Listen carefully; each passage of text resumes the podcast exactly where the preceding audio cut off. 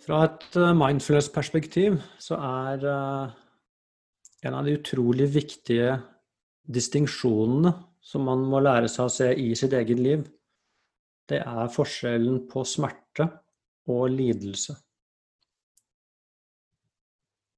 Ja. Og det som er poenget, det er at smerte er en uunngåelig del av å leve et liv. Så fra et mindfulness-perspektiv så vil jeg si at smerte er ikke noe problem. Det er bare eksistensen som danser. Det er bare vinder som går gjennom systemet, som eh, man i beste fall kan bruke til økt forståelse og til økt vekst som menneske. Lidelse, derimot, det er noe som inntreffer når vi motsetter oss den naturlige smertebevegelsen. Og når vi motsetter oss det, så er det enten ved at uh, det skulle ikke ha vært sånn, det er feil, det er urettferdig. Så det er den Vi setter inn i en psykologisk ramme som sier at dette skulle ikke ha vært sånn. Og mm. fysiologisk så møter vi det med, med motstand. Og det blir da i form av uh, spenninger. Så smerte er en form for altså viser seg i kroppen ofte som en form for tension, og så møter vi det med mer spenninger, og som bare gjør det vondt verre. Og i verste fall så kan vi da surre oss inn i at livet begynner å bevege seg rundt disse smertepunktene. Og så havner vi i en tilstand av lidelse, og så ser vi ikke hvor mye av dette som er selvpåført. Og så kan det kunne i verste fall ta bort all livskvalitet. For hvis vi begynner å se på naturlige ting som uønsket, så er det jo klart at uh, da får vi et stort problem. Men når du, altså når du snakker om uh, Eller når du sier uønsket der, for det er jo på en måte veldig fra person til person hvor mye og hvor lite smerte vi, vi gjennomgår i livet. Uh, og instinktivt så er det jo så klart at man forsøker løse på en måte de problemene eller de smertene man, man går igjennom. Men hva er det hva, hva, ja, så Det er litt sånn beroende på hvor stor porsjonen er med smerte, så er det jo så klart Er det forskjeller på hvordan vi burde møte det, liksom? Ja, altså jeg leste, jeg leste nettopp en uh, utrolig morsom historie. Jeg vet ikke om du husker for noen år siden så var det Det kom noen sånne sko på markedet som jeg tror de kalles Masai-sko. Som er sånne veldig runde. Sånn at du akkurat nesten når du ruller av gårde. Og de, ja, husker du det? Som hadde et hjul på hælen? Ja, det var ikke langt unna. Men det er mer sånn, de, ikke, de har ikke flate såler, de har mer sånn, nesten som en sånn bananform. Ja, sånne skulle... jo at de vanlig på folk som sprang og sånt også? Ja, det er mulig, det. Og de, og de ble designa pga. at masaiene, de, eh, som er denne stammen i, i Afrika, de hadde visstnok ikke ryggproblemer. Så de regna med, og de går med en veldig sånn rullende gange. Så de lagde noen sko som skulle etterligne denne gangen. Det skulle være veldig bra for ryggen. Ja. Så var det en forsker som tok tak i det her. Og så dro han til masaiene for faktisk å undersøke det. Og så viste det seg da at de faktisk hadde mer vondt i ryggen enn uh, gjennomsnittet av, av, befolkningen ellers. Oh, Men de brydde seg ikke noe om det. Så det de hadde, var en tilnærming til smerten, som åpenbart var veldig sunn. Men det hadde ingenting med ganglaget deres å gjøre, og ingenting da med den skoindustrien som uh, poppa opp i etterkant. De hadde rett og slett en holdning til smerte som uh, kanskje vi kunne lært noe av. Hva beror det på da, tror du? Nei, Jeg regner med at de uh, Du vet altså de Eller at det var innbakt i kulturen å ha vondt i ryggen? Ja, altså for at det, du kan jo ikke leve uten at du får ryggsmerter. Altså det, det gjelder jo nesten hele verdens befolkning. Det er en av de tingene som nesten alle sliter med i løpet av et liv. Det er vondt i ryggen. Så det, er, eh, så det godtok de bare som eh, en del av det å leve, og lagde ikke noe nummer ut av det. Nei, men det er litt som du sier, det der med at man Altså at lidelse kommer jo i alle fall til de gradene da, kommer jo ofte av at vi blir veldig sånn disturbed av det. Altså at det, det, det, er på en måte smerte, og så er det jo det vi legger i det. Ja. Altså i form av oppmerksomhet eller tanker eller Eller for å gjøre det enda enklere, altså vi, vi kjenner på en uro i kroppen, og så begynner vi uroe oss for at uroen ikke skal forsvinne. ikke sant? Så det blir, det blir på en måte som at vi legger et lager hele tiden på Eller i, i vårt møte med smerte, da. Som jo også blir anledningen til, til at vi fastner så hardt i det. Ja. Det kan jo da i hvert fall ta Altså det tar hele oppmerksomhetsfeltet. Og så blir det jo da også noe som går inn som vi identifiserer oss med, og så plutselig så blir det Altså blir jeg jo smerten. Og det blir nesten sånn når jeg introduserer meg, så er det Du vet, altså Hei, jeg heter Viggo, og jeg har vondt i et eller annet sted. Så det kan fort bli alt, altomfattende. Så det er på en måte da Det blir alt jeg får øye på, i verste fall. Mm. Istedenfor at det bare får lov til å være Det er der, men det er ikke hele meg. Det er en del av livet, og det er en naturlig del av livet. Og så kan jeg gå videre da eh, og få med meg andre aspekter både ved meg selv og eksistensen, til tross for at det også er smertefulle elementer. Sånn som det alltid vil være. Ja, for da snakker vi egentlig om både psykisk og fysisk smerte? Ja, vi gjør jo det. Altså, for det er jo en, smerteopplevelsen er subjektiv. Vet, jeg hørte for, uh, for, noen år siden så var jeg holdt et foredrag et sted, og da Jeg tror faktisk det var sant, men jeg, jeg var aldri helt sikker. Jeg burde jo egentlig ha undersøkt. Men de hadde et kriseteam i den kommunen eh, hvor de rykka ut når folks kjæledyr døde. Ja, det var sporty. Og da, jeg vet, I min verden da så er, det, så er det gått for langt. For at det er eh, Da har vi mista helt kontakten med altså naturlovene. Ja. Det, er, det, er, jo det eneste som er sikkert, det er at noe som er født, skal dø. Alt annet er usikkert, men det er sikkert. Alt som har kommet sammen, eh, vil måtte gå fra hverandre. Alt som er født, skal dø. Så det er bare sånn eksistensen er. For du tenker at vi blir mer sårbare hvis vi behandler døden med for mye sårbarhet? hvis man skal uttrykke det sånn. Ja, hvis du behandler det som noe som er feil. Altså noe som uh, Du vet, noe som krever uh, kriseterapi. Det gjør det Én ja, ting er liksom selvfølgelig hvis uh, hvis det er store ulykker. Så det er ikke det jeg sier at man ikke skal ha sånne ting, men når det kan gå for langt, og da blir eh, vi blir altfor sårbare. Og vi blir ikke levedyktige, for blir, til slutt så blir alle naturlige fenomener uønsket. Istedenfor å se at uh, altså sykdom, alderdom, død, det er faktisk uh, syklusene i naturen. Og det er noe vi egentlig burde uh, snakke om og bli venn med fra vi er små, og se at dette er naturlige prosesser. Så istedenfor å prøve å holde det på en armlengdes avstand som noe som vi helst ikke vil ha befatning med. Mm. Heller eh, ta ubehaget med å si at ja, sånn er det faktisk. Altså, jeg skal dø, alle de rundt meg skal dø, og det er faktisk sånn eksistensen er. Så vi kommer ikke noe Altså, vi finner ikke menneskeverdet vårt og styrken vår og potensialet vårt hvis ikke vi forholder oss til eksistensen som den faktisk er. Det vil jeg påstå er eh, helt umulig. Men, ja, men bare for at det ikke skal låte for kylig på en måte, så betyr ikke det at man ikke sørger for ting, eller får lov til å være ledsen for at ens hund har gått bort. Liksom. Nei, selvfølgelig ikke. Jo, men, men, igjen så blir det det. Sorg er også en naturlig del av det å leve. Det er en av følelsene som vi mennesker er nødt til å kjenne på.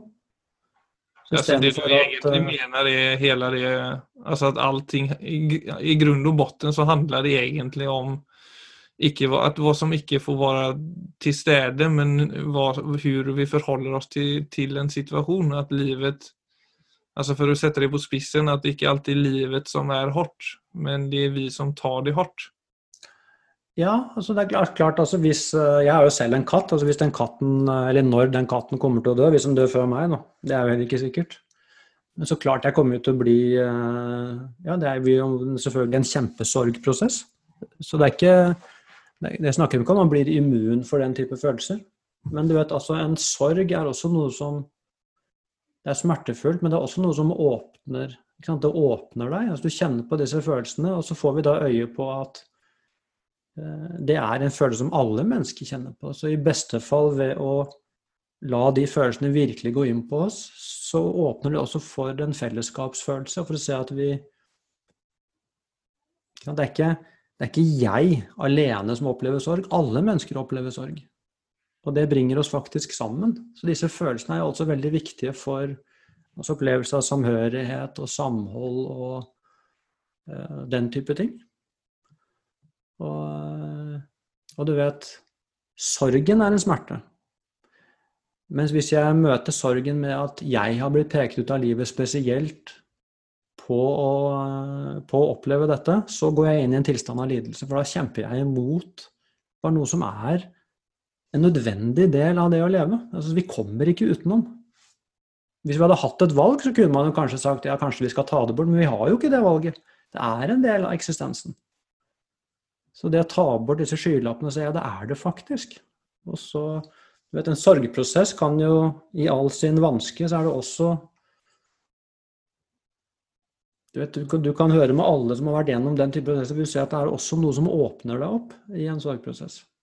Ja, jeg vil si det at all, altså, som du sier, når man kommer gjennom sorgprosesser ofte, eller også livssituasjoner som har vært veldig vanskelige, og du på en måte har sett at shit, det fantes en løsning på det også, som du ikke trodde eksisterte når du vel var der, så er det jo hele tiden, føler jeg da, at man, liksom, man toucher noe i seg selv når man kommer ut på den andre siden, som også gjør at du klarer av å sette pris på livet på en ny måte, og være liksom takksam for de små, små sakene.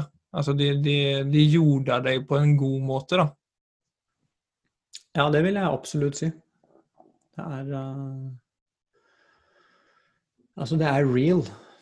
Du vet, altså det Når vi forholder oss til det virkelige livet, så blir vi også virkelige.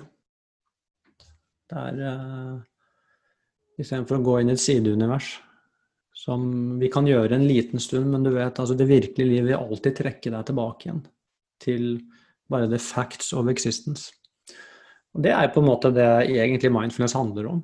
Det er å tørre å ta bort altså egentlig alle lagene av kunstig beskyttelse som, mm. vi, som vi kler på oss fordi vi syns Vi er redd for at livet liksom skal være for hardt.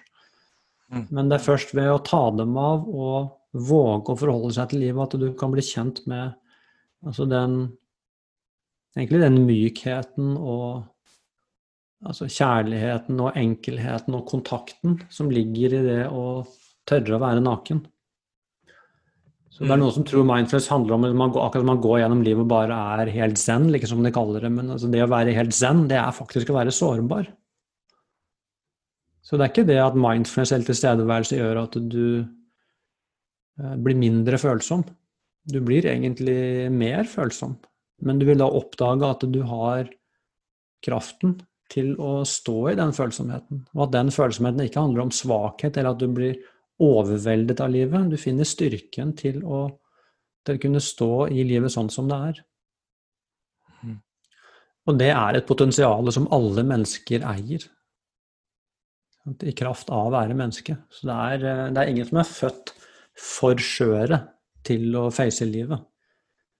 Så det, der gjør vi hverandre en bjørnetjeneste ved å prøve å beskytte du vet, både barn og unge mot, uh, mot the facts of life. Men i verste fall så kommer de bare ut som sånne, sånne tulipaner som har speedvoksa i Nederland. ikke sant? Altså de, de, er jo så De har ikke utvikla nok stilk til å kunne tåle sin egen blomstring, så de knekker jo på midten når blomstringen begynner. Så sånn er det med det også. Ja, det merket jeg når jeg begynte å meditere. så var det, altså, Da var jeg i desperat behov for å for å få ro, ikke sant? Og det vil jeg jo tro mange Eller ja, man har hørt mange lignende historier med folk som begynner med både meditasjon og yoga og stiler i, i, i den sjangen, at, at det er ofte du trenger ofte noe helt annet. Og jeg merket det da i starten at det behovet jeg hadde for å få ro, det var jo så starkt at jeg började eh, se på meditation og mindfulness som et tilstand jeg på en måte kunne fly inn i. Mm. Eh, vilket jo er litt det du snakker om der, med at man eh, det blir nesten sånn upplevelsebaserad eh, aktivitet i starten. Og Ja. spesielt om du ikke får helt eh, god nok information om hva det faktisk handler om. Men den roen var ju den var ju också flyktig för den var ju på ytan, alltså den ron jag fick av att pusta på en viss måte eller sitta och meditera, den, den gav mig en ro där och då men när jag gick in i livet igen Mm. så var det mer eller mindre som vanligt. Så det var som ett sånt litet rum jag kunde gå in i för att få ro. Men det jag Ja. faktiskt fick ro av, det var ju när jag skjønte at mindfulness handler ikke om et tilstand, det handler jo om att törra och vara sårbar, törra och möta livet så som det presenterar sig. Så egentligen att försöka sluta lösa alla livets problem men att försöka se och förhålla sig till det på en ny måte. Så det var ju faktiskt motsatsen till det jag i starten trodde. Och Ja. det var ju det som både gav mig styrka och oro med åren. Alltså nu har jag ett, jag ska inte säga att jag är solid som et fjell, men jeg ser i hvert fall hvor det bærer av når man det kan jo låte klisjéaktig, men når man tør å være sårbar så så har jeg aldri kjent, eller så kjenner jeg meg aldri så sterk som jeg gjør da. Ja, ja, det er eh, en godt bevart hemmelighet. Ja. Men det er som du sier, det er jo altså det er mange av disse altså Både mindfulness, yoga og mye av de andre som, ja, som dessverre vel har blitt mer sånn Kommet mer i selvhjelpskategorien.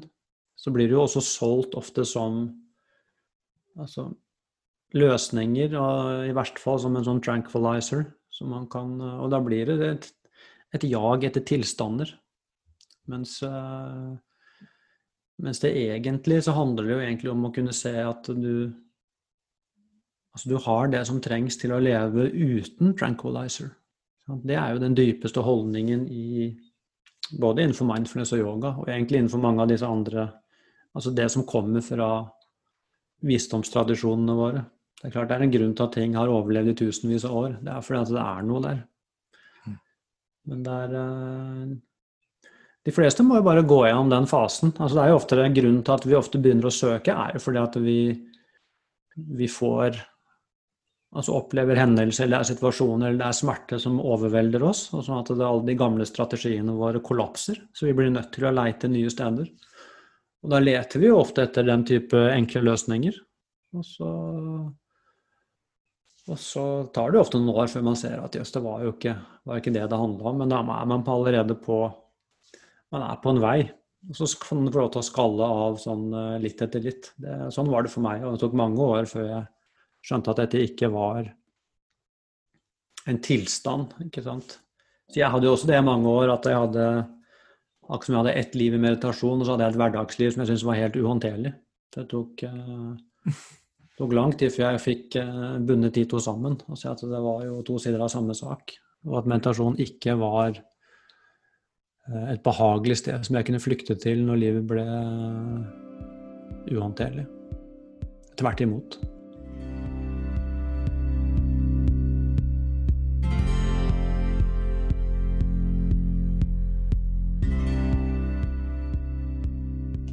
Vi har ju snackat lite om både mm, fysisk og psykisk smerte nu.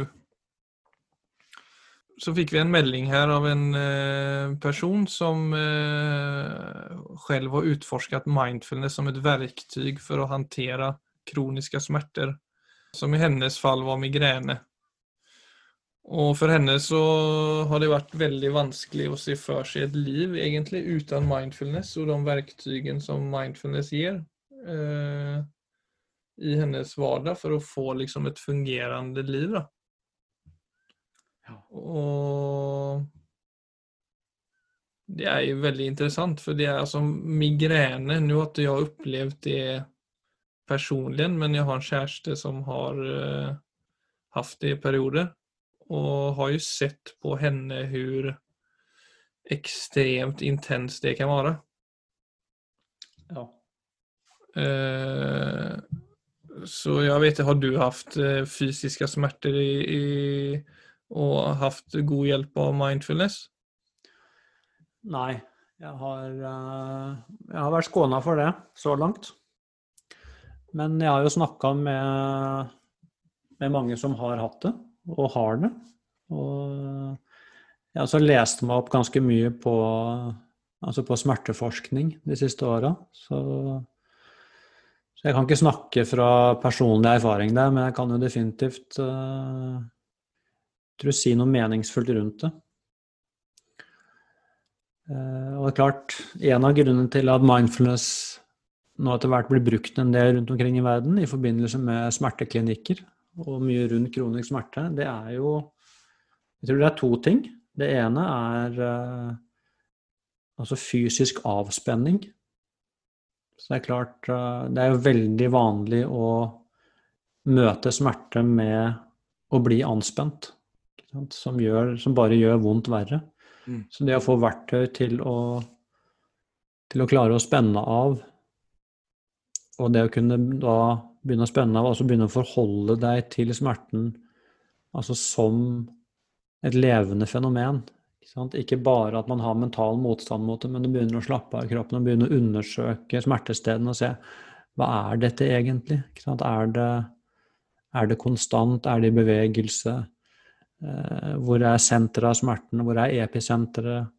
Mm. Og så du å følge hvilke deler av kroppen min er uten smerte. Så begynner du å utforske det som, eh, som et faktisk fenomen. Det har jo for mange veldig, veldig god effekt, hvor ting begynner å Også fordi du slapper av, så blir det en reduksjon av den subjektive opplevelsen av smerte. Og den andre tingen, det er jo disse mindfulness-holdningene.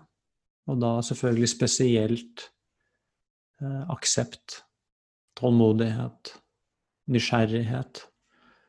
Så det å skifte fra mental motstand og unnvikelse mm. til å begynne å gå inn og se at altså kan jeg romme denne opplevelsen? Hva hvis jeg, hva hvis jeg bare slipper taket? Hva hvis jeg begynner å være med det sånn som det er? Og så viser det seg også at For det kan jo være veldig kontraintuitivt, for man kan tenke akseptere, Jeg kan jo ikke akseptere det, jeg vil jo ha det bort. Men det å se at hvis du faktisk ja, men det er et faktum, hva med å begynne å forholde deg til det sånn som det er, så viser det seg også å være veldig gunstig for, eh, for veldig mange mennesker. Ja, for det er jo det første steget med å bli eh, oppmerksom på sin egen reaksjon når man opplever smerte. Altså ja. det med at kroppen spenner seg, at vi lager eh, mentalt motstand. Altså alt det der er jo instinkter som skjer og som jo på en måte knyter ihop den smertekroppen til det verre. Absolutt. Det er en amerikansk uh, mindfulness-lærer som han, han, har laget en sånn uh, Han prøvde å lage uh, nesten matematikk ut av det, men han har bare, bare skrevet opp en sånn formel han, som han bruker da med studentene sine.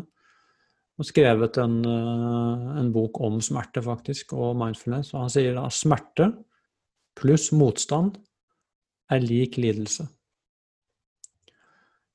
Så i den ligningen, selvfølgelig, det du kan gjøre noe med, er motstanden. Du får jo ikke gjort noe med smerten. Det snakket, som vi snakket om i stad, det er en del av livet, og innimellom så blir smerteopplevelsene våre intense. Så den delen av ligningen jeg kan gjøre noe med, det er hvordan jeg forholder meg til det.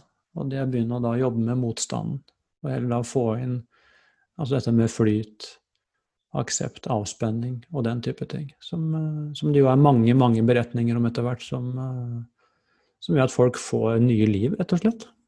Ja, for det er jo noe med det med å klare av å åpne opp, og det er jo altså Det tror jeg vi alle har erfaring med når vi opplever noe vi ikke liker, og vi legger all vår oppmerksomhet i det. Så gir vi et utrymme for noe annet, altså zero. Ja.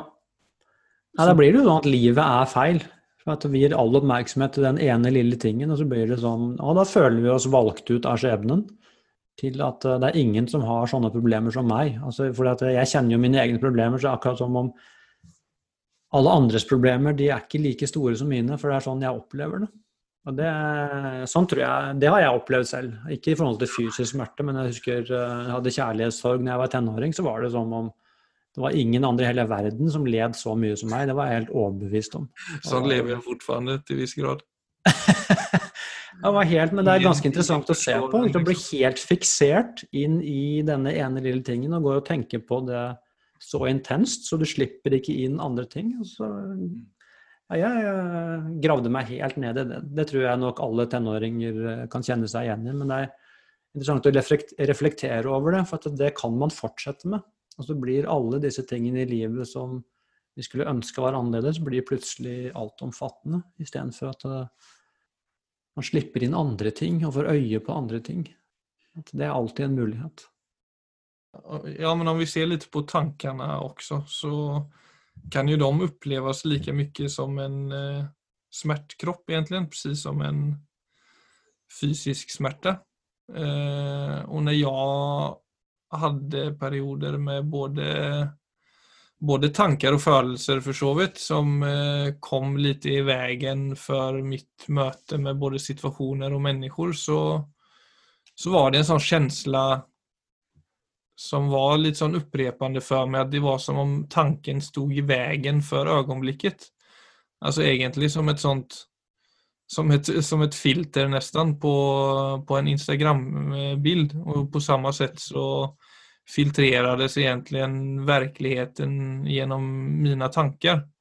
Og da slår det meg egentlig med det der med at vi ofte blir lurade av sociala medier. Altså at folk misbruker det på alle mulige måter, men på samme sett så kan vi også gå rundt i en konstant missuppfattning i vårt egna liv på grund av tankar och känslor som, som både forstorer, men også forverrer situasjoner. Og det, det har jeg vel kjent har vært veldig viktig å forstå for å egentlig komme videre i livet. At tanken er, er ikke virkeligheten men det er en, en, en respons på virkeligheten eller på noe som gjør som farger veldig mye vår tilværelse. Ja, her er du jo inne i Altså noe av kjernen i mindfulness-trening, det er jo å få faktisk få øye på det du sier der, ikke teoretisk, men direkte i din egen erfaring. At det aldri er hendelsen i seg selv som uh, skaper problemer for oss. Det er hvordan vi håndterer det, eller hvordan vi forholder oss til det.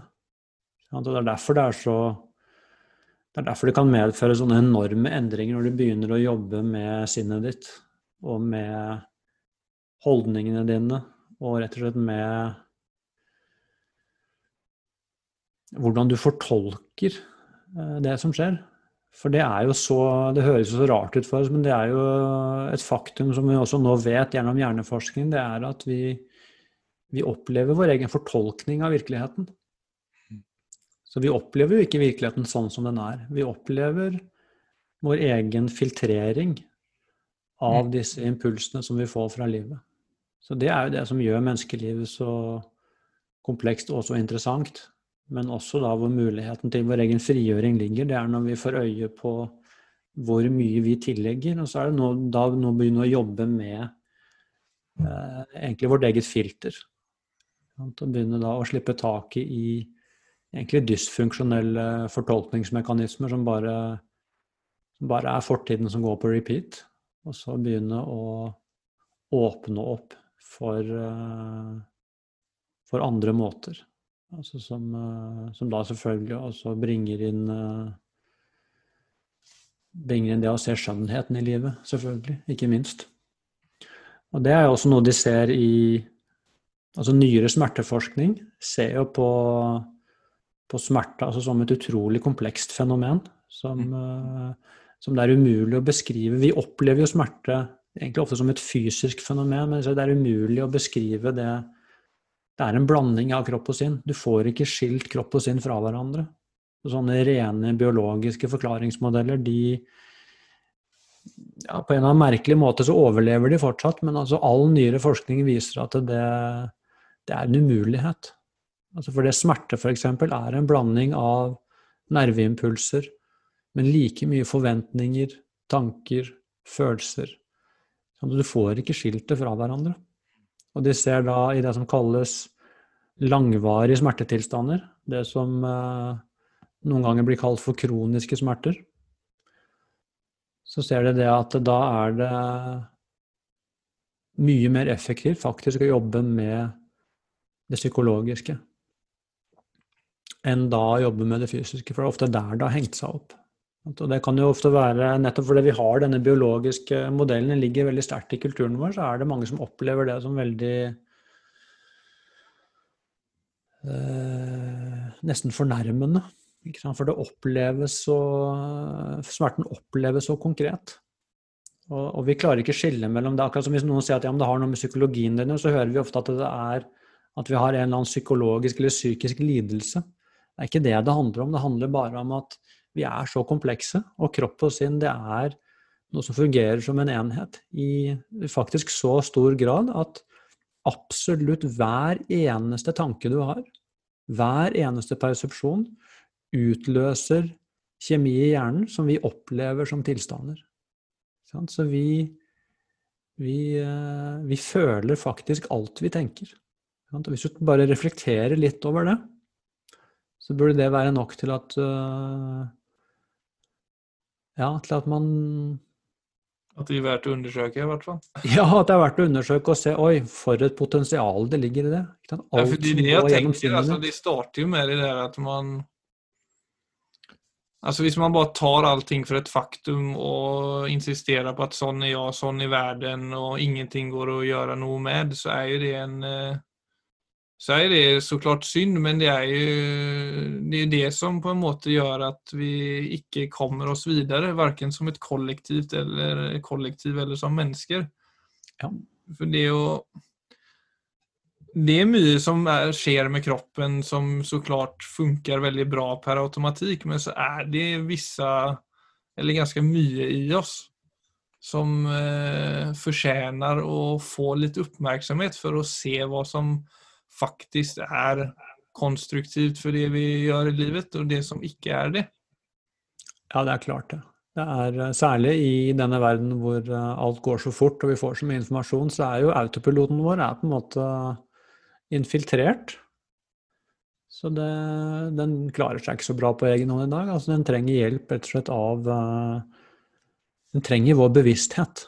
Mm. Den, trenger, den, trenger, oss, den trenger en klar tilstedeværelse egentlig som en veileder. Og det er jo det du kan si mindfulness handler om. Det er å, å se da at du må bringe inn visse elementer av F.eks. Du trenger, du trenger ro, du trenger uh, det å kunne restituere regelmessig. Du trenger, ikke sant? Og så, og så kommer altså alle disse andre tingene igjen, som kosthold og søvn trening Alle disse tingene spiller inn også på, altså på tilstanden min fra øyeblikk til øyeblikk. Og som igjen da spiller inn på hvordan er det jeg forholder meg til det som skjer. Så hvis alle undersøker sin egen hverdag, så vil du se at når du er hvis du er stressa urolig, litt misfornøyd, lei deg for et eller annet, så vil du se det at uh, autopiloten din vil ofte være mye mer dysfunksjonell. Kontra når du er, du er uthvilt, du har sovet godt, spist næringsrik mat, du er, du er, i ro, så kan jo Så vil si at motstandskraften din den er mye, mye, mye høyere. Så det å se alt det egentlig å ta vare på tilstanden din fra dag til dag, det, og det vil aldri skje på autopilot. Det krever en bevisst strategi. Så, så det er helt klart. Altså det gode liv krever, krever bevissthet. Du vil, aldri, du vil, ikke kunne gå på autopilot et godt liv. Ikke, I hvert fall ikke i en, uh, i, uh, en moderne kontekst.